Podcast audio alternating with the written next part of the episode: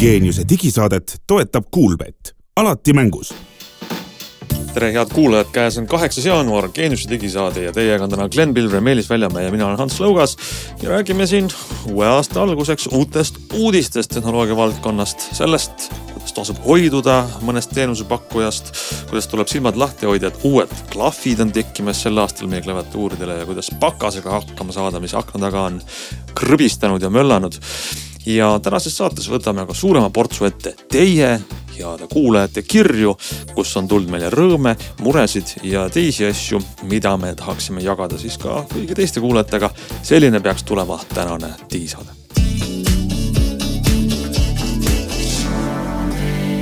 alustame siis väikest sellist hoiatusrubriiki, murede rubriiki võib-olla uudistes, sellepärast et ei ole häid uudiseid tulemas Lõuna-Eestist, kus inimesed soovivad saada endale fiiberoptikaga kiiret internetti koju ja on oodanud seda ja on maksnud selle eest, aga uudised ei ole head. ma mäletan näiteks jõulude paiku me rääkisime ühes saates sellest, kuidas on MTÜ Eesti Andmeside Võrk ehitanud välju, välja siis selle nii-öelda ühenduse inimeste kodude ja magistraalliini äh, vahel. aga kuidagi on see välja kukkunud nii kallis, et ükski teenusepakkuja kes siis nagu lõppteenust pakub igakuiselt, olgu see näiteks siis Telia või Elisa või, või keegi kolmas või neljas. teenusetasud on nii kõrgeks läinud, et inimestel ühtegi teenusepakkujat ei olegi seal võrgus. nüüd on sellele järgnenud teine mure. seesama MTÜ Eesti Andmeside Võrk on asutanud ka eraldi aktsiaseltsi Eesti Andmeside Võrgu aktsiaselts. kõik heas usus, me oleme täiesti kindlad, et panna ühiselt äh, omavalitsuste seljad kokku ja see ehitustöö ära teha, inimestele kaabel tuua. Nad, äh, paljud inimesed on ka maksnud oma osaluse ja nüüd on see aktsiaselts läinud siis tehnilise järelevalveameti ja tarbijakaitse musta nimekirja, sest et inimesed maksavad raha, et oma osalus ära maksta. aga mida ei ole näha, see on kopp, mis teeks maasse augu või mööda liine veaks kohale fiiberoptika nii et jälle nagu vastu pükse, ei tule välja see ühis, ühistegevus seal Lõuna-Eestis, kurb uudis. Need on tegelikult kaks erinevat äh, kaasust, ütleme ikkagi nii. või nad nagu. aga sama seos, sellepärast et see, seos, nagu seesama MTÜ, mida omavalitsused tegid, tegi siis võrguehitusfirma ja sinna, kus on võrk valmis tehtud, seal on need tasud nii kõrged, et ei tule ükski teenusepakkuja. ja teises kohas jällegi inimesed maksavad oma osalust, et saada seda võrku, seal... ikka ei tule midagi. kumb kindlasti ei saa hakkama jah, kuigi väga sarnase nimega erinevad ettevõtted, aga jah, mõlemal on nagu neid erineva, aga sarnase olemusega probleem. üks on see, et üks küsib liiga palju raha ja teine on see, et ta lihtsalt ei, ei too koppa kohale, eks ole. no mõte oli hea, et kui inimestel äh, üksinda selle asja vedamine läheb tuhandeid maksma ja siis tehakse võetakse abi kohalikust omavalitsusest, et kohalikul tasandil inimesed organiseeruks ja on ka kõige sihukese ühistegevuse mõte. aga ei tule välja see majanduslikult, tundub Lõuna-Eestis. mujal Eestis on riigihangetega seda teinud teised ettevõtted ja, ja selliseid muresid vähemalt ei ole, et inimene maksab selle oma osaluse.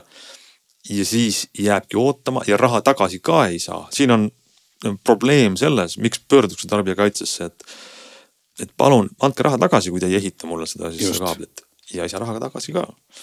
just, et no see on nüüd see koht, kus siis peakski ikkagi eh, ütleme, inimesed peaksid omama siis piisavat meelekindlust ja igasuguseid muid asju, et, et mitte tõesti jääda olukorda, kus paljud on maksnud ära võib-olla siis palju või vähem raha ja, ja keegi on ju justkui selle raha endale võtnud ja kui midagi juhtunud ka ei ole, siis alati tekib küsimus, et mis sellest rahast siis on ju saanud ja ja mis siis üldse edasi saab.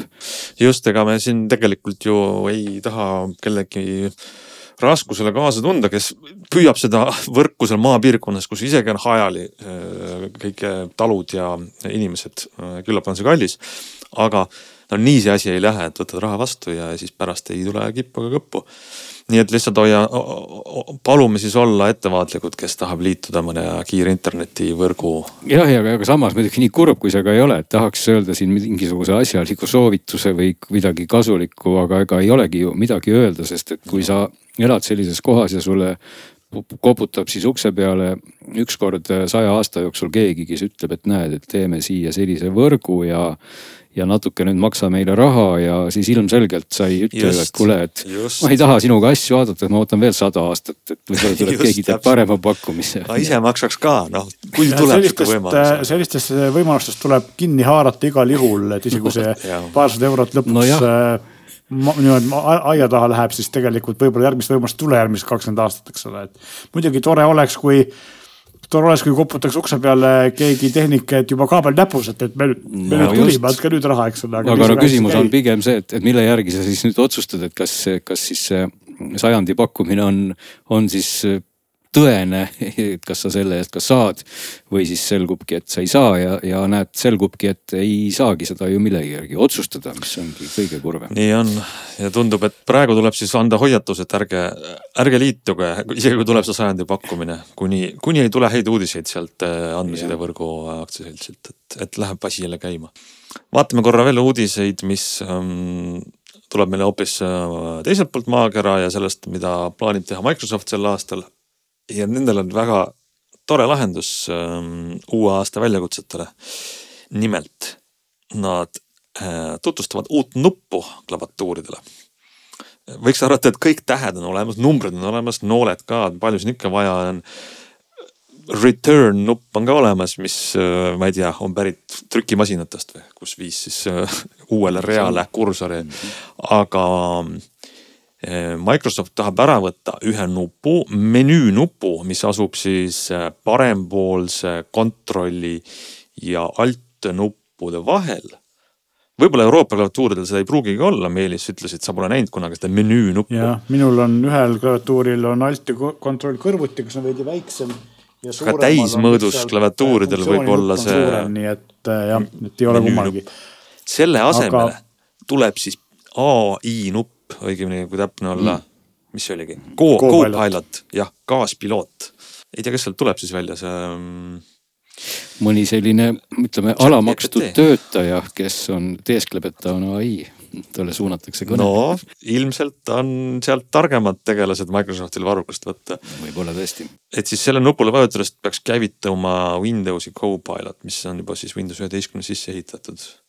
ja saad oma chat GPT sõbraga iga hetk äh, rääkida ja nõu küsida, et, äh, et veelgi lähedam, lähedasemal oleks tehisintellekt meile ma ei tea, see on ju tegelikult hea uudis või? ei, kindlasti on hea uudis, ega ma pean nüüd tunnistama, et ma ei ole kahjuks ammu Windowsi klaviatuure vaadanud, aga, aga seal peal on olnud kogu aeg läbi aegade tegelikult natuke selliseid imelikke nuppe minu arvates, mida ei ole üldse keegi kunagi pidanud vajutama, et kas. et, et võib-olla see nupp nüüd läheb ka sinna rubriiki natukene, aga mingeid siukseid kummalisi nuppe mulle nagu meenub sealt, mis iganes need siis olid, kas üks oli see vist, mis avaneb sul kuidagi. või startmenüü nupp või mingi. jah, Windowsi nupp kusjuures, et no,. Windows nupp keegi... minul saab küll päris aktiivset kasutust. no näed. ahah, no näed sest et äh, ma ei pea siirt kätte võtma, võtan seda nuppu ja hakkan kirjutama ja mul on otsingus asjad olemas, eks ole, nii et. vot mina mäletan, et Windowsi aegadest, et ma, ei, ma alati vaatasin seda nuppu, aga ma kunagi ei vajutanud seda mingil põhjusel, võib-olla see oli viga, et võib-olla ma oleks pidanud seda nuppu isegi vajutama et.... no kuule, standardklaviatuuridel on toredaid nuppe veel nagu näiteks, mis seal mm -hmm. on mhm. mingisugused print screen scroll lock. just, tõsi. ja, ja noh, tegelikult on. ju suurem, suurem häda on veel see või noh, kelle jaoks häda, kelle jaoks mitte häda, aga päris paljud äh, klaviatuuritootjad teevad sinna lisavad oma nuppe ja vaikimisi ka siis need F, F-nupud, mis Windowsis teevad erinevaid no, funktsioone. Need võivad olla vaikimisi mäpitud hoopis mingite omaette nuppude alla. minul oli siin üks päev probleem sellega, vist eelmise saate salvestuse eel oli see, et mikrofon oli kuidagimoodi nii välja lülitatud, ma tükk aega ei saanud seda sisse. sa vajutasid mingi F-nupuga välja. ma saingi aru, et mul on siin sellel Logitechi klaviatuuril on F8 peal on, on süsteemi üleselt mikrofoni välja lülitamine. kui ma kogemata sinna vastu lähen, siis ma ei saagi ise aru, et, et see toimis niimoodi. ei, tegelikult on see hea, mina olen väga F-nupp F-nuppude pooldaja, mul on näiteks täismõõdus klaviatuurile pandud ehm, F-nuppudel videokõnedes olemiseks siis mute ja kaamera välja sisse ja, ja mis iga päev kasutad, see on tore, on ju -hmm. ja kindlasti me saame neid kuulajakirju ka inimestelt, kes scroll lock'i kasutavad iga päev, et, et ärge tehke nalja siin. võib-olla tõesti aga... jah, aga noh, ka print screen'i nupp iseenesest peaks ja, töötama, küll ma pean tunnistama, et see vist igal no. pool alati Windowsi arvutitel nagu ei tööta. kusjuures seda kasutan ka ma nüüd rohkem kui varem, sest et et äh, nüüd on ju print screen nupp, mis on ka üks Windowsi muudatus, millest palju pole räägitud.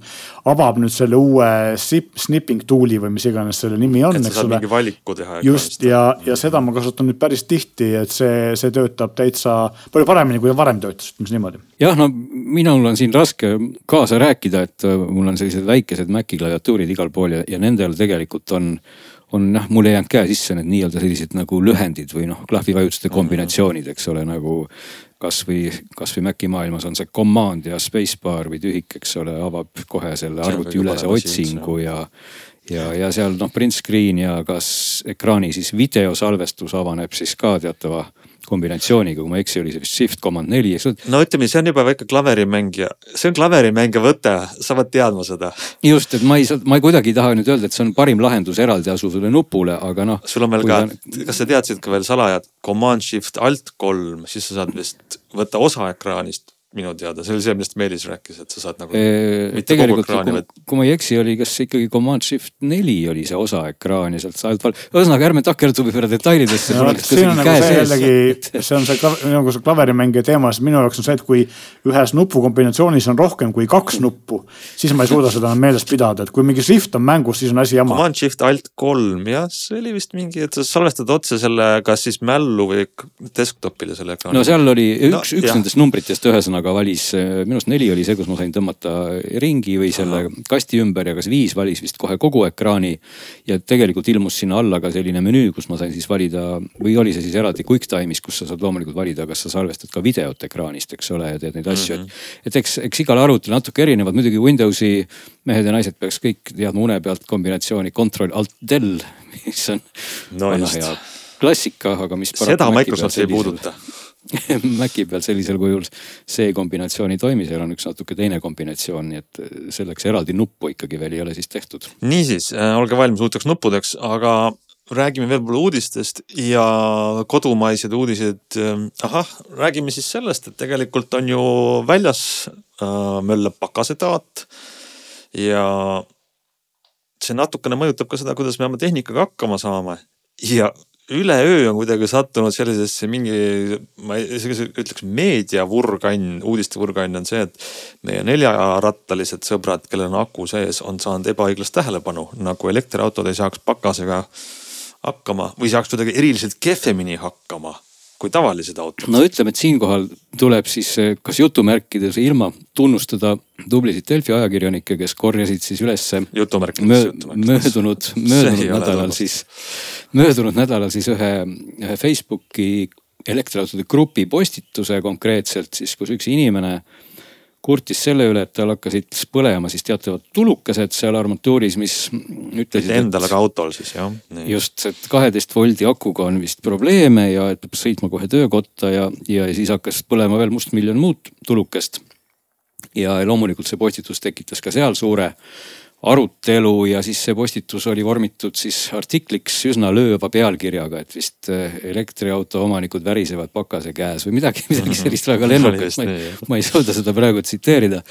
Ja see postitus kogus, kogus siis üle viiesaja, ilmselt võib-olla tänaseks, kui siis saade meil eetris on, kogus juba kaugelt rohkem kommentaare, et see, see erutas paljusid ja siis äh, kirjutati sellele seal veel mõned vastulaused, mis erutas ka veel paljusid ja nagu näha, see erutas ka, erutas ka mind veel veits. tuleb ka vastulausete, aga nüüd on meil vastulause siis ka suulisel moel jah? no vot jah, et sest, et teatavasti oleme mehegi siin ju ikkagi elektriautodega sõitnud ja, ja eks võib-olla see kajastus oligi mõeldud mõeldud sellise väikse krutskiga, et kui selline pealkiri panna ja selline postitus üles korjata, siis noh, nagu see ingliskeelne väljend on, et kui ikkagi teatavat ainet visata teatavasse liikuvasse kohta, siis lendab see igale poole laiali ja, ja seega nii juhtus, et iseenesest mida siis mina nüüd tahaksin võib-olla sellise ka ikkagi kogenud elektriautoga sõidu kannatajana öelda, et mul on olnud elektriautosid juba, juba kaugelt, isegi võiks öelda rohkem lausa kui kümme aastat, et alustasin Nissan Leafiga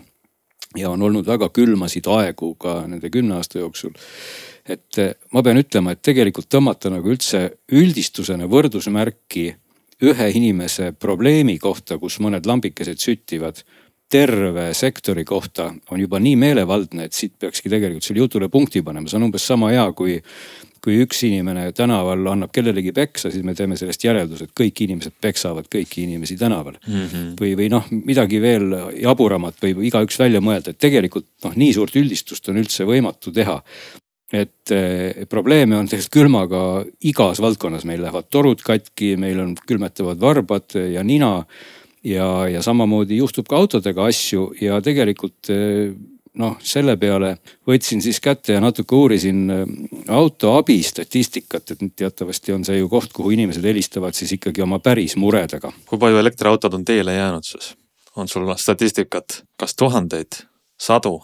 Äh, siin nüüd konkreetselt, kui me räägime ühest aasta alguse päevast, äh, kus siis üks inimene, kes, kelle tööks on võtta vastu kõnesid, võttis vastu sada viis kõnet sel päeval ja noh, üllatus-üllatus, kõik need kõned olid siiski seotud autodega, kus sees ei olnud siis suurt elektri mm, nii-öelda liitiumioonakut, vaid tegemist oli siis sisepõlemismootoriga autodega mm. -hmm. ja, ja siis esimeste paari päeva jooksul oli neid kõnesid loomulikult rohkem, aga see tulemus oli sama, kui nüüd välja arvata siis üks auto, mis oli tõesti täis elektriauto ja mis tegi lihtsalt avarii ja läks ka katki tänu, tänu avariile ja, ja siis sattus ka sinna kahjukäsitluse huviorbiiti, et kõik need muud probleemid tegelikult on siis ikkagi sisepõlemismootor ja ka hübriid. pistikhübriide olevat palju, et probleeme on ikkagi eelkõige kütusega seotud ja generaatoriga ja akuga seotud mured, aga need on siis puudutavad kõik sisepõlemismootori käivitusakut et tegelikult need on nagu need valdavad mured ja isegi siis viimase, ta ütles viimase sellise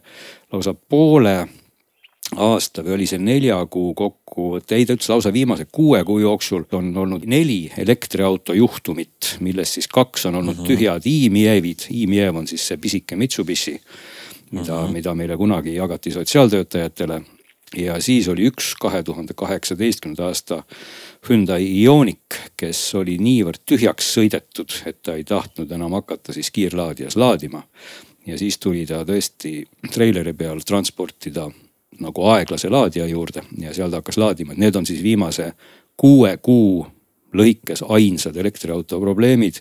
ja sinna on selle aja jooksul siis saabunud tuhandeid kõnesid murelike sisepõlemismootorite autodega, et see on, see on siis see läbiv lõige, et loomulikult me saame siin ka öelda, et sisepõlemismootoriga autosid ongi meil ju kõvasti rohkem mis tähendab seda, et ka probleeme on nendega kõvasti rohkem.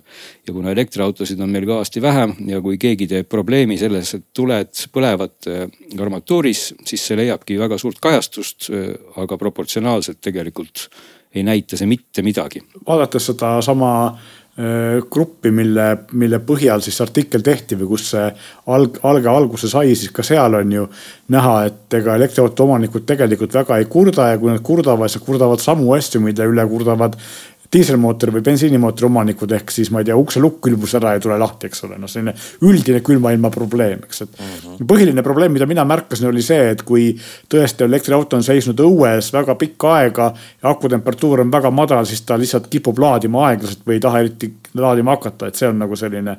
aga see ei ole ka nagu noh mingisugune ootamatu probleem või siis ta lihtsalt tuleb varem laadimist alustada sel juhul kodus. no siin, siin, et mitte nüüd jääda ka hästi selliseks ühepoolselt äh, elektriauto kiidjaks, ma, ma lihtsalt ütleks ka võib-olla kogemuslikust äh, plaanist ära tõepoolest selle, et, et elektrikulu talvel loomulikult suurenebki drastiliselt. et see on täiesti õige, see ei ole mingi müüt. et kui teil on juhtumisi elektriauto, mis suvel võtab näiteks seal viisteist kilovatt-tundi sajale, ütleme viisteist kuni kakskümmend siis talvel seesama elektriauto võtab rõõmsalt kolmkümmend, nelikümmend kilovatt-tundi sajale ehk et elektrikulu suureneb peaaegu kaks kuni isegi kolm korda. ja see kõik tähendab seda, et sõiduulatus väheneb peaaegu kaks, et mitte öelda võib-olla isegi hullemal juhul ka tõesti kolm korda, et. et sõiduulatus vähenebki talvel elektriautol palju, et see ei ole mingisugune üllatus, sest et tegelikult see energia kõik tuleb ju sellest samast liitiumioonakust, seal ei ole ühtegi grammi sellist nagu ülejäävat energiat, nagu on sisepõlemismootoril, kus noh, enamus energiat läheb soojusena nii-öelda tuulde. ja see tuul püütakse kinni meie salongi kütjana ja, ja meil on seal soe ja tore lihtsalt, aga kulub selleks ju kütust. et elektriautol seda sellist jääkenergiat praktiliselt polegi. seetõttu kõik see tuleb sellest energiast võtta, mis seal akus on ja sedasama energiat kasutatakse siis ka sellesama sõiduaku või siis liitiumioon-aku soojendamiseks mis, mis omakorda kulutab energiat. nii et äh, energiat kulub nagu piltlikult öeldes igal sammul, aga selle hea külg on see, et tõesti ei ole siis ka minul olnud ühegi elektriautoga sellist probleemi, et ta mis tahes külmaga ei käivituks, et või noh, nimetame siis käivitamiseks seda, et temaga saab hakata sõitma, sest starterit ju elektriautol mm -hmm. ei ole. küll aga elektriautodes on see kaheteist voldi süsteem kõigis. et see tuleb võib-olla paljude jaoks üllatusena, kes, kes auto hingeelu ei tea, et jääb ju mulje, et noh, mis seal elektriautos üldse see kaksteist volti peab olema.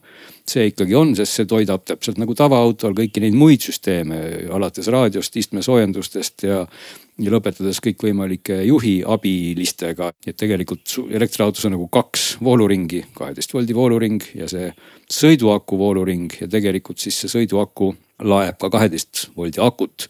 siis seal sõltub juba nüüd auto elektroonikast, mis hetkel ta seda parajasti laeb, näiteks Nissan Leaf laadis ka seda täitsa nagu nii-öelda ooterežiimis ehk et kui akusid või sõiduaku oli tavalaadija taga, siis ta ka mingil hetkel vaatas, et laeme seda kaheteist voldi akut ja nii edasi. aga kui see kaheteist voldi aku peaks tõesti mingil põhjusel nii-öelda jutumärkides ära surema, siis ka elektriauto tõepoolest ei käivitu, et seda probleemi on olnud küll autodel, et need kaheteist voldi akud on hästi väikesed paigaldatud ja ja kui see kaheteist voldi aku külmaga üles ütleb, siis on lugu paha nagu ka tavalisel autol, aga noh, mis on elektriauto suur pluss, et seal ei ole vedelikke, et mina mäletan omast sisepõlemismootori autode kogemustest, et ikka sellise väga ekstreemse külmaga, noh kus temperatuurid olid alla miinus kolmekümne, siin sai kunagi Põhja-Soomes suusatamas käidud ja.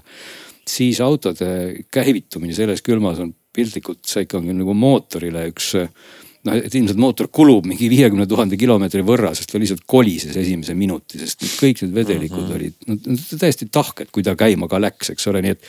et siit on nagu moraal, et ilmselt kui tõesti me peaks elama sellises kliimas, kus on meil miinus kolmkümmend tavapärane või et, et mitte öelda veel rohkem siis tuleks kindlasti ka sisepõlemismootoriga auto tegelikult äh, panna juhtme otsa lihtsalt sellepärast, et need vedelikud seal ei, ei kivistuksid ära, kui, kui sa autot käivitad. Nii et äh, ühesõnaga selle pika jutu kokkuvõte on see, et külm toob suure energiakulu meile igasse valdkonda ja probleeme ka, aga fakt on see, et, et elektriautoga tegelikult üldistatuna on talvel neid käivitumisprobleeme noh, praktiliselt olematult võrreldes siis bensiinimootoriga autodega, aga tõsi, elektriautoga talvel ei saa siis kaugeltki sõita nii kaugele, nagu saab sõita suvel sest see elekter kulub ära meie, meie soojuse peale, nii et see pool sellest jutust on justkui tõsi, et talvel see kukub, aga see ei ole mingisugune üllatus, noh, see ei ole nagu see koht, et vau wow,, et mul on nüüd elektriauto, et see on nüüd jube nõme ja nüüd ma avastasin, et ma ei saagi enam talvel sõita edasi-tagasi Tartusse kolm korda, kui ma suvel seda sain teha.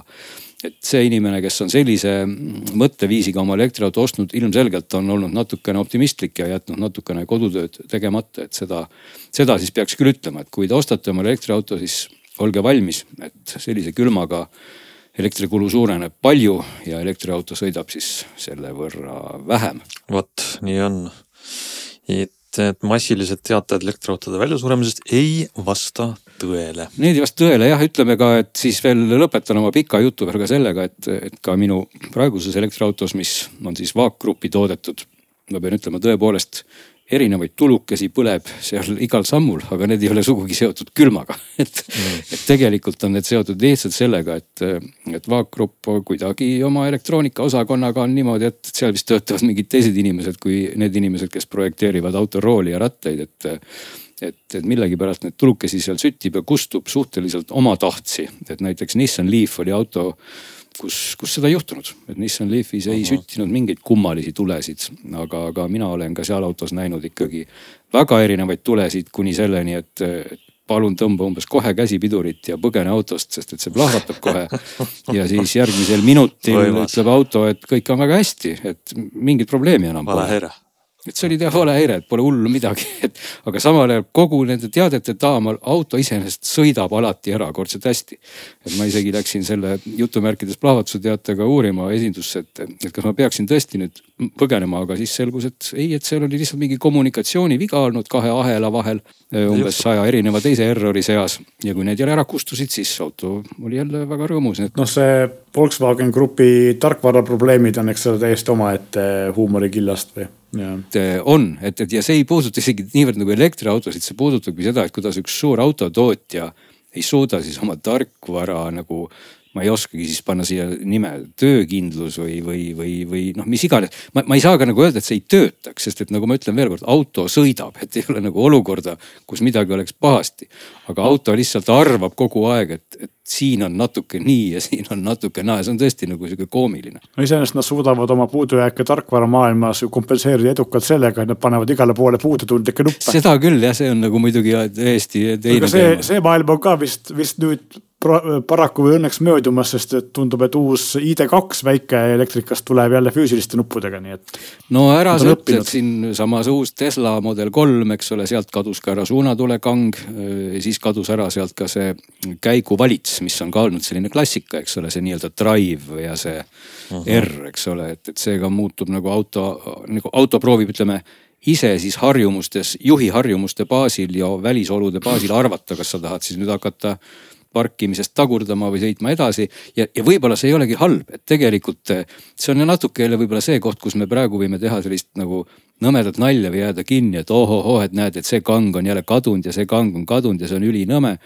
aga teistpidi võib-olla lähevad aastad mööda ja me avastamegi, et see on nii mugav, et me ei pea enam mingisugust kangi sikutama ja tulebki generatsioon, kes, kes on nii harjunud, et ta istub autosse ja hakkab sõitma ja ja siis ütleb vanaisa, ütleb, aga kas sa kangi ei tõmmanudki, mis kangi. auto sõidab ise, võib-olla Tesla otsustab varsti, et mis pidi ta sõidab no,. võib-olla tõesti jah, nii et, nii et eks need muutused natuke on sellised noh, et noh, see puututundlik võib-olla näitab seda, just Meelis mainis, eks ole, et, et võib-olla siin ka prooviti nagu siis midagi optimeerida, aga võib-olla mõne koha pealt see optimeerimine läheb nagu tõesti liiga noh, liiga ekstreemseks ja inimesed tahavad ikkagi mingeid nuppe ja võib-olla ka mingeid kange, aga mingis teises valdkonnas võib-olla me unustame selle ära, sest näiteks üks väga hea omadus, mis on ka Teslal ja mis on ka muide kõikidel vaakgrupi elektrikatel on ju see, et neil, neil puudub see vajadus siis autosse sisenedes vajutada nii-öelda seda vana head start-stop nuppu, mida siis veel omal ajal asetas süütevõti, eks ole, et. et sa lihtsalt istud sisse, hakkad sõitma, tuled autost ära ja lähed minema et sa ei pea tegelikult vajutama seda nuppu, et kõik sisepõlemismootoriga autode omanikud on ilmselt harjunud vajutama seda nuppu ja millegipärast ka enamik elektriauto tootjaid on selle nupu tegelikult alles jätnud. aga mis on ju täiesti kasutu, sest et elektriautos ei ole seda nuppu vaja, sest et elektriautos ei pea ju käivitama, eks ole, mootori. ja see on harjumise asi, et mina, kui ma olen paar korda mõne sellise Eestis tegutseva kiirrendifirma autot kasutanud, mis ei ole küll elektriauto olnud, siis välja minnes tekib paanika, et kas ma nüüd ikka lülitasin auto välja või kas ta nüüd nagu ei hakka mul äkki arvestama, et ta tegelikult ei ole nagu õigesti pargitud, sest et tuled jäävad põlema ja siis ta mingi sekundi pärast lülitab välja need tuled, eks ole, ühesõnaga, et. et see tekitab, kui võtit ei ole või nuppu ei ole, isegi kui nuppu on ja võtit ei ole, siis see tekitab nagu, see on harjumise küsimus, eks ole, see võtab natuke aega, et see. see on pigem nagu inimese ja masina vahelise selle liidese küsimus. võib-olla kui oleks keegi keegi teinud teise otsuse kunagi, siis oleks ka meie sülearvutitel mingi lukk ja võti, millest pead keerama, et arvuti käivituks, turvasüsteem on ju. jah, ei absoluutselt, et see lihtsalt jah, selle, selle moraal ongi see, et sellised muutused, mis võib-olla esmapilgul tunduvad sellised natuke radikaalsed või isegi isegi sellised eh, pilkamist väärt olevat, võib-olla mingite aegade möödudes muutuvad selliseks, et me me imestame, et kuidas vanasti oli teistpidi ja miks oli teistpidi, eks ole, et, et aeg näitab, et kas. kas meil on siis vaja rohkem kange nuppe või on vaja puutetundlikuid asju ja isemõtlevaid autosid ja nii edasi. nii on nii, aga lähme siis edasi ja võtame järgmiseks hoopis natukene meie kuulajakirjade rubriigi. meil on siin viimaste nädalate jooksul tulnud erinevaid kirju ja ka mõni vanem äh, võlg on vaja likvideerida. Äh, kõigepealt Meelis. võib-olla ütleme, et kui te tahate meile kirjutada ja anda nõu või küsida, siis kirjutage meile endiselt, et meie meiliaadress on digisaade.geenius.ee. jätke see meelde. just ja tublimad teist on juba seda teinud ja kirjutanud ähm,. nii, äh, Meelis, meil on üks vanem võlg, mis puudutab Apple Watchi ja see puudutab minu lubadust, kui me rääkisime siin ka ühe kuulaja kirja peale seda, et kas Eesti operaatoritel on olemas Apple Watchil e-SIM-i ehk siis andmeside tugi. ja me oskasime öelda, et jah, Telial ja Elisal on.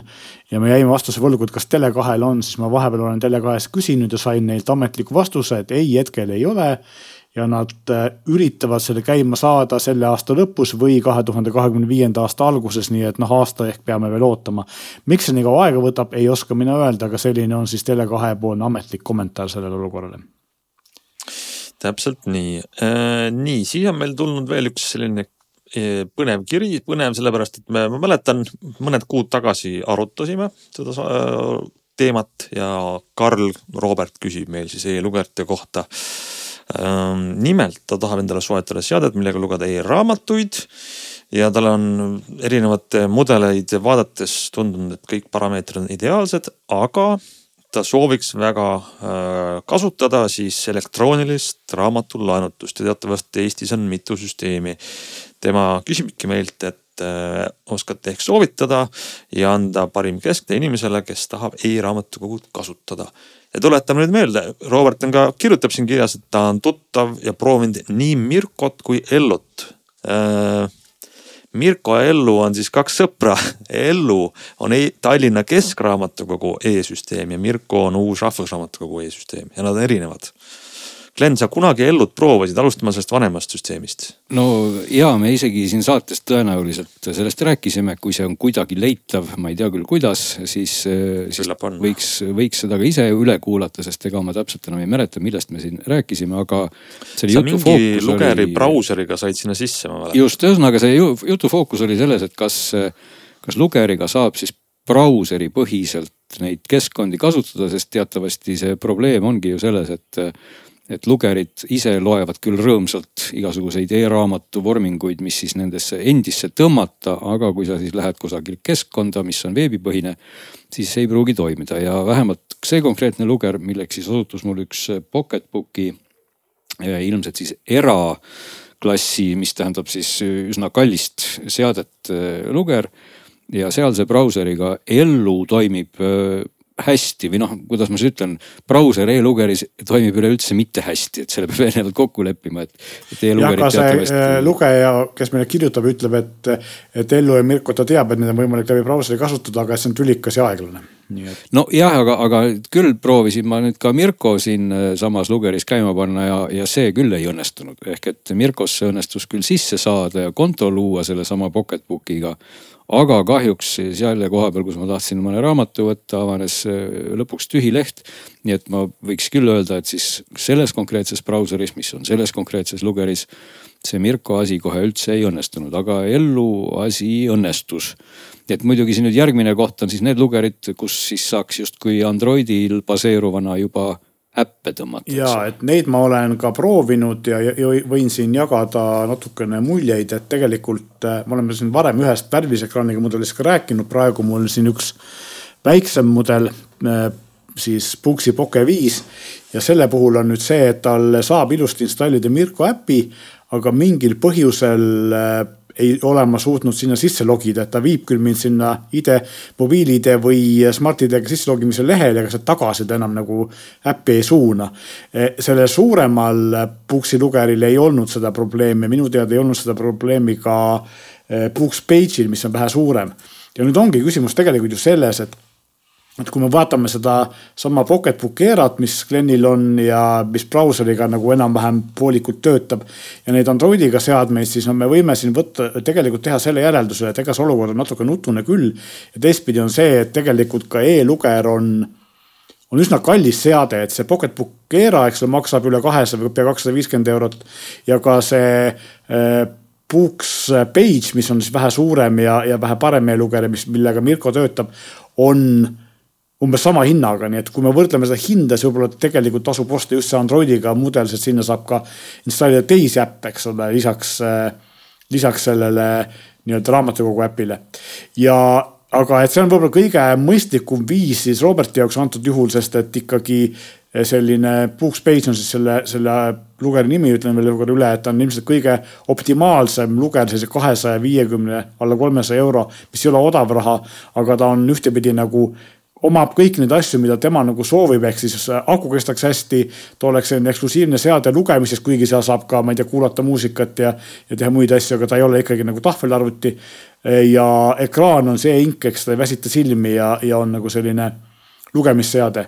ja teine no asi. see ei ole mida... siis värvilise ekraaniga luger. see ei ole värvilise, täpselt samasugune nagu see Pocketbook Air, ta on umbes sama suur ka. lihtsalt mm -hmm. vahe on selles, et tal on ka siis olemas füüsilised lehekülje pööramisnupud mm. -hmm. erinevus on selles, et tal on Android, eks ole Mm -hmm. ja teine asi, mida ma tahaks veel siin selle kirja peale öelda, on see, et Robert ütleb, et, et võiks ju ka kasutada tahvelarvutit, aga tahvelarvuti on kallim, et selle koha peal ma julgeks vaielda vastu, et tegelikult selline meedia tarbimiseks sobiv tahvelarvuti, mis on noh ma raamatute lugemiseks, ajakirjade lugemiseks, ma ei tea, muusika kuulamiseks tegelikult ju saab täitsa edukalt osta uuena alla kahesaja euro ja, ja kasutatuna Samsungi või Amazoni tahvli tegelikult, tegelikult isegi saja euroga, et.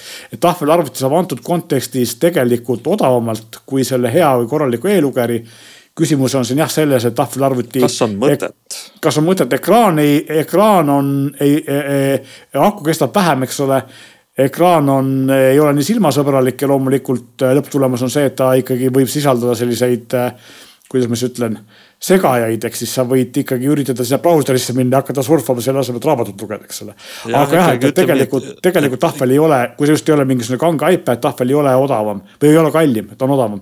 aga jah, et ja lisaks on see, et muidugi tahvelarvutite põhiprobleem on see, et kui sa tahad lugeda kuskil rudu peal või rannas või suvel jäljeda päiksevalguse käes, siis äh, noh e-raamatu ekraan on hea lugeda, tahvelarvuti ekraan kipub olema tuhm ja selline silmi, silmi peab pingutama siis.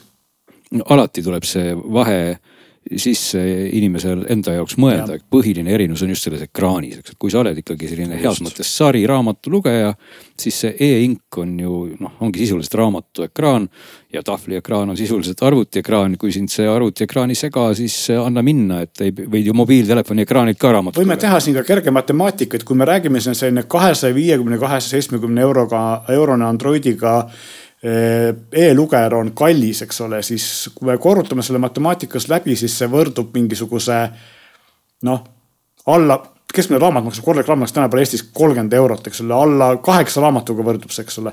ja kui ma võtan kaheksa raamatut ja loen neid raamatukogus, siis mul see hind on päris kiiresti tagasi tehtud, eks ole. lisaks sellele, et ma saan sinna võtta, kui ma olen ingliskeelset raamatut lugeja, võtta sinna mõne kuumaksulise teenuse, et Kindle Unlimited'i või eestikeelsete raamatute puhul eh, Elisa raamatu või, või Rahvaraamatu sarnase teenuse, et kui ma palju loen, siis tegelikult see e-raamat e, e-lugeja tasub ennast päris kiiresti ära no just ja ennekõike nagu just meie seal kuulajakirja äh, probleemi püstitus oli ja meie lahendus, et need e-raamatukogud seal on, et see on see põhiline, et väga palju on tegelikult täitsa okeid e-lugejaid, kus sa ei saa kasutada neid teenuseid. ja siis sa oled ikkagi piiratud sellega, et sa pead ostma e-raamatuid, kas ja. siis eesti või võõrkeelsed, mis, no, on ka. ja eks sellesama teema jätkuks, lõpuks või mis iganes on ju alati see, et tõepoolest endiselt on meil ikkagi nagu paberraamatute valik kuidagi nagu tunduvalt laiem, mulle tundub, et mulle ka väga meeldiks, et ma Paraku, saaks sinna e-lugerisse siis kasvõi no isegi mitte võib-olla laenutada, aga kasvõi osta või, või, või tõmmata või no mida iganes. aga ikkagi ma nagu pehmelt öeldes nagu lõpetan mingisuguse nikerdamisega, kus, kus ma ikkagi avastan, et näed, et pagan küll, et see raamat oleks paberi peal olemas jälle ei ole, et. et kohati on nagu küsimus tõesti, et et kas seal taga on mingisugune kirjastajate kuri vandenõu või noh, et, et tänapäeval ju tegelikult kõik raamatud ennem trükkimist on ju digitaalsed. Äh, tegelikult seal taga on kirjastajate nii-öelda kuri vandenõu jutumärkides, tegelikult seal on taga raha ja minu arusaam sellest, mis võib olla vale, on see, et selleks, et saada õigust kirjastada e-raamatut lisaks paberraamatule, pead sa siis sellele autoriõiguste omanikule eraldi maksma ja arvestades, et Eestis e-raamatuid ostetakse väga vähe kordades, kui mitte sadades kordades vähem kui paberraamatut, siis see tihti lihtsalt ei tasu ära. E, osad kirjastajad pakuvad seda nii-öelda paketina, et sa saad selle niikuinii tasuta kaasa või noh, nii-öelda selle paberraamatu hinna sees. aga mõned küsivad sellest juurde ja siis ongi kohe probleem. mujal maailmas, kus see e-raamatu või audioraamatu selline suur noh, müüakse nagu ikkagi väga palju neid, siis seal ei ole see nii suureks probleemiks, kuna sealt vaadatakse. no jah, aga siin on nagu tähendab see vastuolu ju tulebki selle koha pealt, et noh, me kõik teame, kuidas meil paberajakirjandusel läheb ja ei lähe ju kõige paremini, mis, mis on mõnes mõttes heas või halvas mõttes nagu paratamatu, sest et me ei loe enam ju ajalehti, paberit sellises koguses, nagu me seda tegime vanasti. ja, ja raamatuga iseenesest võiks ju olla sama lugu, et meil jääks need puud kasvama ja, ja me ei pea seda paberit ju selleks kulutama ja teiseks ka rahalises plaanis kui see raamat on digitaalsel kujul meil ju olemas, siis võib-olla on küsimus, miks ma üldse peaks selle paberile trükkima, see oleks ju palju odavam levitadagi puhtalt e-kujul, mul jääb ju kogu see paberiga möllamine ära. see on üks asi, teine asi on tegelikult ka see, mille peale vist kirjastus mulle tundub kohati ei mõtle või siis ise ei tasu ka ära, aga. aga mulle tundub, et on olemas ka või võiks olla ka selline pika perspektiivi vaade, et kui me vaatame näiteks, ma ei tea oletame, et võtame näiteks Da Vinci koodi, mis anti eesti keeles välja, ma ei tea, kakskümmend aastat tagasi, eks ole, ja. ja need tiraažid on läbi müüdud ja ilmselt piisavalt huvi mm. ei ole, et uut tiraaži paberi peal välja anda. ja tegelikult neid ei, ei olegi ole. võimalik osta, siis e-raamatu, kui see ja see tiraaži lõpp müüdi tõenäoliselt maha mingisuguse lõpuhinnaga mm., mingi viie euroga võib-olla, eks ole. siis e-raamatuna on seda raamatut võimalik huvilistele, mida võib-olla võib ei ole väga palju, keda siiski on ka kakskümmend aastat hiljem müüa näiteks kümne euroga, eks ole ja, ja tegelikult see võib-olla aja jooksul tiksudes teenib selle kulu tasa. Igatahes ja see ongi väga hea täpselt mõte just praegu puudutab just selliseid raamatuid, mis on ikkagi välja antud juba siis nii-öelda digiajastul, et mitte see kirjapress ei ole mingi tinast plönnidest tehtud käsitsi, vaid, vaid need raamatud tegelikult on digiteeritud ja ikkagi me näeme, et ma ei ja. saa seda raamatut enam osta, sest ta on läbi ja ei ole ka e-raamatut, see on iseenesest äh, jabur olukord. ja, ja noh, rääkimata sellest, et nendele, kes oskavad võõrkeeles lugeda, noh, mina olen samamoodi, olen ostnud e-raamatuna ainult vist ainult Eesti autorite raamatuid, sest et, et muid raamatuid ma kipun lugema inglise keeles ja kunagi ma siin olen ka selles saates vist rääkinud, et tahtsin osta ühte ühte võõr välismaise kirjaniku raamatut, mis oli eestikeelse, meil jäi sellest raamatupoest silma ja vaatasin, oh, et äge raamat. vaatasin hinda, tundus, et ei natuke liiga kallis on, et ma ostaks pigem e-raamatu ja mis ma seda paberraamatut ikka kodus hoian. siis tuli välja, et ups-ups, aga sellest mm. raamatust ei ole e-raamat e, e-varianti. ja siis ma lihtsalt läksingi Amazoni ja ostsin selle eestikeelse kolmekümne eurose paberraamatu asemel e-raamatu pluss audioraamatu komplekti, millest ma kokku maksin vist alla kümne euro, nii et noh, see hinnavahe oli ka päris, päris jõhker. no siin ongi see koht jällegi, kus siis peaksime nagu tuletama meelde ju kirjastajatele, et võib-olla annaks hoopis rohkem raha teenida teatavate nagu seaduste või, või kokkulepete ümbervaatamisel, et ei ole mõtet öelda, et ei saa, vaid pigem neid asju võiks inimestele anda, kui inimesed tahaks anda raha. päris tihti on lihtsalt see, et kuna noh, ma olen olen ka mõningate kirjastajatega rääkinud, keda ma siin mingist vanemast ajast tean ja, ja seal ikkagi päris tihti me põrkame selle sama probleemi otsa, mille otsa me põrkame absoluutselt igal pool. ja see on see, et meil on väga väike riik ja meid kui eestikeelset rääkivaid inimesi on lihtsalt väga vähe. ilmselt äh, on ka põhjus, miks ingliskeelne raamatu sa saad alla kümne euroga. sest et turg on miljonites. see tegelikult, kui sa ostad raamatu kolmekümne euroga ja eriti kui see on Eesti autor, siis tegelikult ega see Eesti autor sellega rikkaks ei saa, ta tegelikult ei saa isegi leiba lauale no,. jaa, aga võib-olla saaks ta natukene rohkem raha ikkagi, kui ta veel muidu saab või et muidu jääb ka see e-raamatust saadav raha saamata ja teine külg on ju see, et et noh, täpselt probleemi alguse juurde tagasi tulles, et inimesed ostakski ka e-lugeri omale rõõmsamalt, kui sellega oleks neil raamatute lugemine probleemivabalt. jah, aga no paratamatu statistika on see, et minu teada see suhe paberraamat versus e-raamat jääb Eestis sinna no umbes nii, et tuhande paberraamatu kohta ostetakse üks e-raamat või, või saja paberraamatu kohta heal juhul üks e-raamat, et see vahe on väga suur. peaaegu nagu elektriautodega juba. nii on. just. elektriraamatutega samamoodi. et ütleme siis nii, et keskmine eestlane sõidab sellise vana hea, vana hea bensiini ja diisliga ja loeb seal siis paberraamatuid. nii on, aga äh, võtame järgmise küsimuse, mis on tulnud meile ühe kirja kaudu. Äh, üks nõu, mida me võiks jagada Kerstenile, kes küsib. Mm, ta on teinud palju USA talvevideoid ja on varem seda materjali siis kokku lõiganud Windowsi arvutitega. Ehm, videotöötlus on võtnud aega, ei olnud liiga kerge, aga mõtleb, et kas oleks mõistlik üle minna video töötlemiseks üle Apple'i sülearvuti peale, millist soovitate, mille, mis oleks selleks kõige parem ja kas oleks piisav ka siis baas, tema toob mudeliks e MacBook Air M1 protsessor, kaheksa gigabaiti, RAM-i. mis vist on, ütleme siis äh, Apple'i sülearvuti täiesti baasmudel. Ehm, ja see ongi tema küsimus. esimese asjana ma ütleks seda, et kindlasti ka Apple'iga, äh, Macide puhul ei tohiks osta kaheksa giga RAM-iga mudelit praegu. kui see ei ole just kasutatud hea hinnaga mudel uuena tasub seda vältida, sest see on juba praegu aeglane, tulevikus saab veel aeglasemaks, kuusteist giga. jah, see on kahjuks ikka tõsi ja mis, ma, ma lisan siia väikse tärni, et võib-olla teatud tingimustes see on okei okay osta, aga kui juba jutt läheb videotöötlusele ja suuremate failideni, siis ei. tead sa siiski ei, ma, ma, ma lisaks, et see tärn muide ei ole nii väike, et, et noh, tõsi, mul on kuusteist giga ka selles MacBookis äh, ka täpselt M1 Air ja on kuueteistkigane.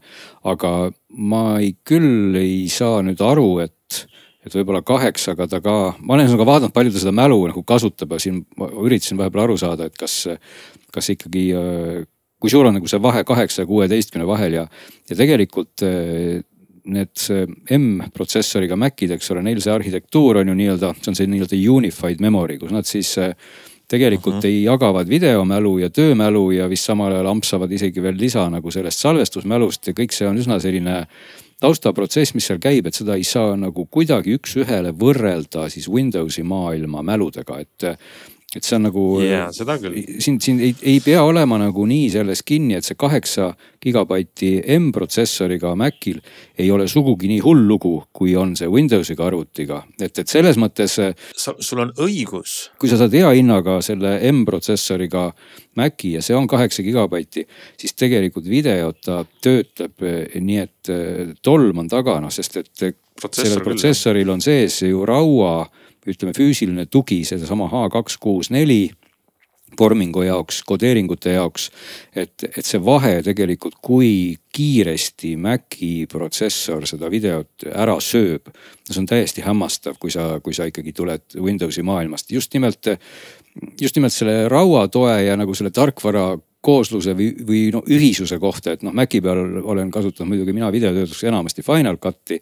ja tõsi, isegi mul iMac on, on Inteli protsessoriga ja isegi sealne Final Cut tegelikult krõbistab seda tulemust kokku tunduvalt kiiremini kui siis Maci peal oleva Adobe Premiere et see on nagu ka huvitav kontrast, et, et Final Cut siis teeb, teeb sama asja kiiremini, ta suudab kuidagi enkodeerida seda videot kiiremini ja kasutada siis mingeid imepäraseid asju, mis seal on. aga, aga M-protsessoriga Macid teevad seda veel paremini, sest et seal on kogu see optimeering siis väga hästi raua ja tarkvara vahel. kuigi väike parandus, kui ma nüüd ei eksi, seal, kas see ei ole mitte H kaks kuus viis äh, kodeeringu tugi, mis on sellega, mis on nende moodsamate kaamerate jaoks, mitte paljudel PC-del sa hästi nagu ei ei saagi lihtsalt lõigata ja tõesti Maci peal käib see nagu lennart ees, nii et selles mõttes on meil soovitus küll. et selleks, et äh, Windowsiga masinal teha samaväärse kiirusega videotöötlus, peab see masin lihtsalt olema kõvasti mm -hmm. kallim. et äh, see asi, mida teeb ära MacBook Air, see vajab Windowsi maailmas korraliku graafikakaardiga ja korraliku protsessoriga masinat ja need kipuvad olema kallid ja ühtlasi ka üsna suured. ja noh, kolmas asi on see, mis on Maci eeliseks siin on see, et kui sa võtadki sellise kalli ja kange hea videotöötlust tegeva Windowsiga arvuti, siis selle aku ei kesta praktiliselt üldse. siis MacBookil ikkagi aku kestab väga hästi. meie üldine hinnang on, et jah, kindlasti tasub, M1 on selleks väga hea asi.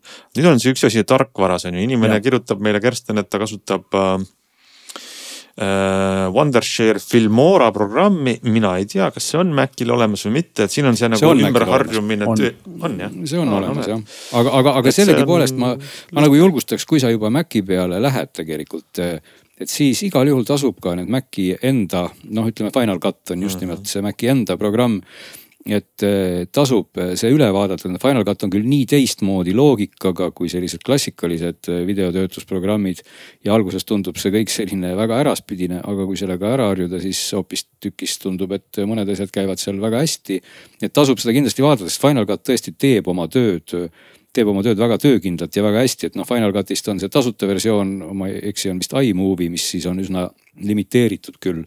et, et tõenäoliselt seal nii palju võimalusi ei ole. aga isegi siuksed suusavideod saab isegi iMovie'ga tehtud, mina olen teinud iMovie'ga ka. teine asi no... on muidugi, mida me tegelikult ei tea, on ju see, et kuidas see Filmora ise kui äpp või programm käitub, et äkki mingisugune probleem seal ei pruugigi olla Windows versus Mac, vaid hoopis selles programmis endas, eks ole, et ei ole väga väle, aga aga seda, seda ei saa enne teada, kui saab proovida Maci peal. aga, aga muidugi selles mõttes, kui juba täna see väljaminek teha, siis tõepoolest ka olgugi, et ma siin justkui kaitsesin seda kaheksa gigabaidi mäluosakonda, siis ma muidugi ütleks ka, et endal on kindlam, puhtlam, kuivam tunne võtta pigem kuusteist, siis on see asi ajas vastupidavam ja kõik need. ma ütleks nii, et kui kasutatuna osta ja selle kuskilt tuttava käest näiteks hea hinnaga saab hästi hoituna, siis miks mitte see kaheksa gigane osta. ma võin, ma, ma võin paljastada, ma kasutan praegu kaheksa gigabaidiga M, M1 Airi ja, ja.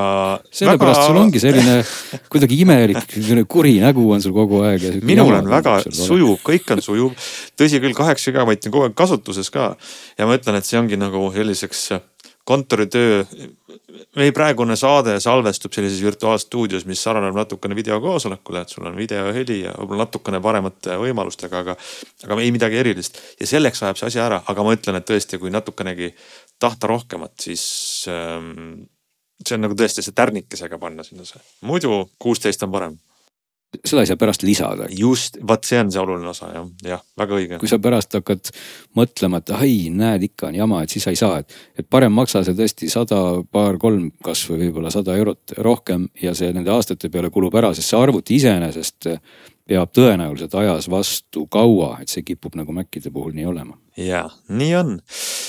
ja tõmbame võib-olla otsad kokku siis ka paari mainimisega veel, meil on kirjutanud ähm, Taivo, Taivo kirjutab meile ei mittegi küsimuse ega murega, vaid tahab jagada meiega ja läbi meie siis teiste kuulajatega oma leidu, millega ta on väga rahul. tal on varem kasutanud pikalt Huawei Mate kümme Pro, Prod, siis ta on Samsung A54, millega ta väga rahul ei olnud. ja jõudis lõpuks Asus Zenfone kümneni ja toob välja hulga argumente, miks igaühel tasuks seda vaadata ja proovida ja kaaluda, et miks ta on väga kiire, hea, mugav. mina olen nõus, äh, Asus Zenfone kümme on hetkel kõige parem väikse ekraaniga Androidiga telefon, ta on ainus alla kuuetolline tõsiseltvõetav Androidiga telefon. ainuke asi, mida ma ei oska öelda, mis puudutab seda soovitust teistele, et kas tal on olemas tugi Eestis äh, praegu oluliste selliste advanced võrguteenust nagu Voice over LTE ja Voice over Wi-Fi pea, puhul eh, Eesti operaatoritel. Eh, ise olen ainult korraks näppinud, ei ole nagu põhjalikult testida saanud seda telefoni, sellepärast ei oska seda kommenteerida. ma küsisin ka enne saadet Asuse käest selle järgi, kuna Asuse esindaja on hetkel puhkusel, ma seda vastust ei saanud. võib-olla mõne järgmise saate jaoks on see vastus meil olemas, saame seda ka teistega jagada. aga muidu on Zenfone kümme üks parimaid ja kindlasti ilmselt hetkel parim väikse ekraaniga Androidiga telefon, et siin konkureerivad on Galaxy S kakskümmend kolm ja, ja Pixel kaheksa, eks ole, aga. aga Zenfone kümme on veel väiksem ja natuke soodsam, nii et tõesti, tõesti hea telefon. ja viimane mainimine tuleb Janekile, Janek kirjutab meile ühest murest ähm tal on probleem iPhone'iga, uuendas tarkvara iOS seitsmeteistkümne peale ja ekraanitöö on puudulik, hangub kinni, tähed ei tule kirjutamisel lahti. ja siin vist me kahjuks ei saa telefoni ennast lähemalt nägema või tundmata midagi öelda, sellepärast et noh, iOS seitseteist nagu laias laastus töötab, et sellel ei ole probleeme, võib-olla kui restardid ja muud probleemid ei aita, siis tundub, et võib-olla on teenindusjuhtum selle telefoniga. või siis eh, noh, nagu ikka aitab see, et. Eh, restart. et võib-olla teha see suurem töö küll, aga jah, mitte restart, aga ka täiesti ära nullida, et teha back-up'i ja, ja teha telefonile, teha seadet taastamine ja siis nullist uuesti installida. tüütu, aga vahest aitab. üldiselt eh, tundub, et noh, Apple ise ei ole midagi selle kohta ametlikku öelnud ja tundub ka seda, et see nii-öelda siis äh, foorumites on selliste asjade üle ka, ka kurtmist, aga see ei tundu olevat väga massiline, pigem on sellised üksikjuhtumid. aga meil on hea meel äh, teie kirju lugeda, edasi jagada, kuulata. veel suurem heameel on meil selle üle, et tänane saade on valmis, aga juba järgmine nädal oleme me teiega tagasi, nii et head aega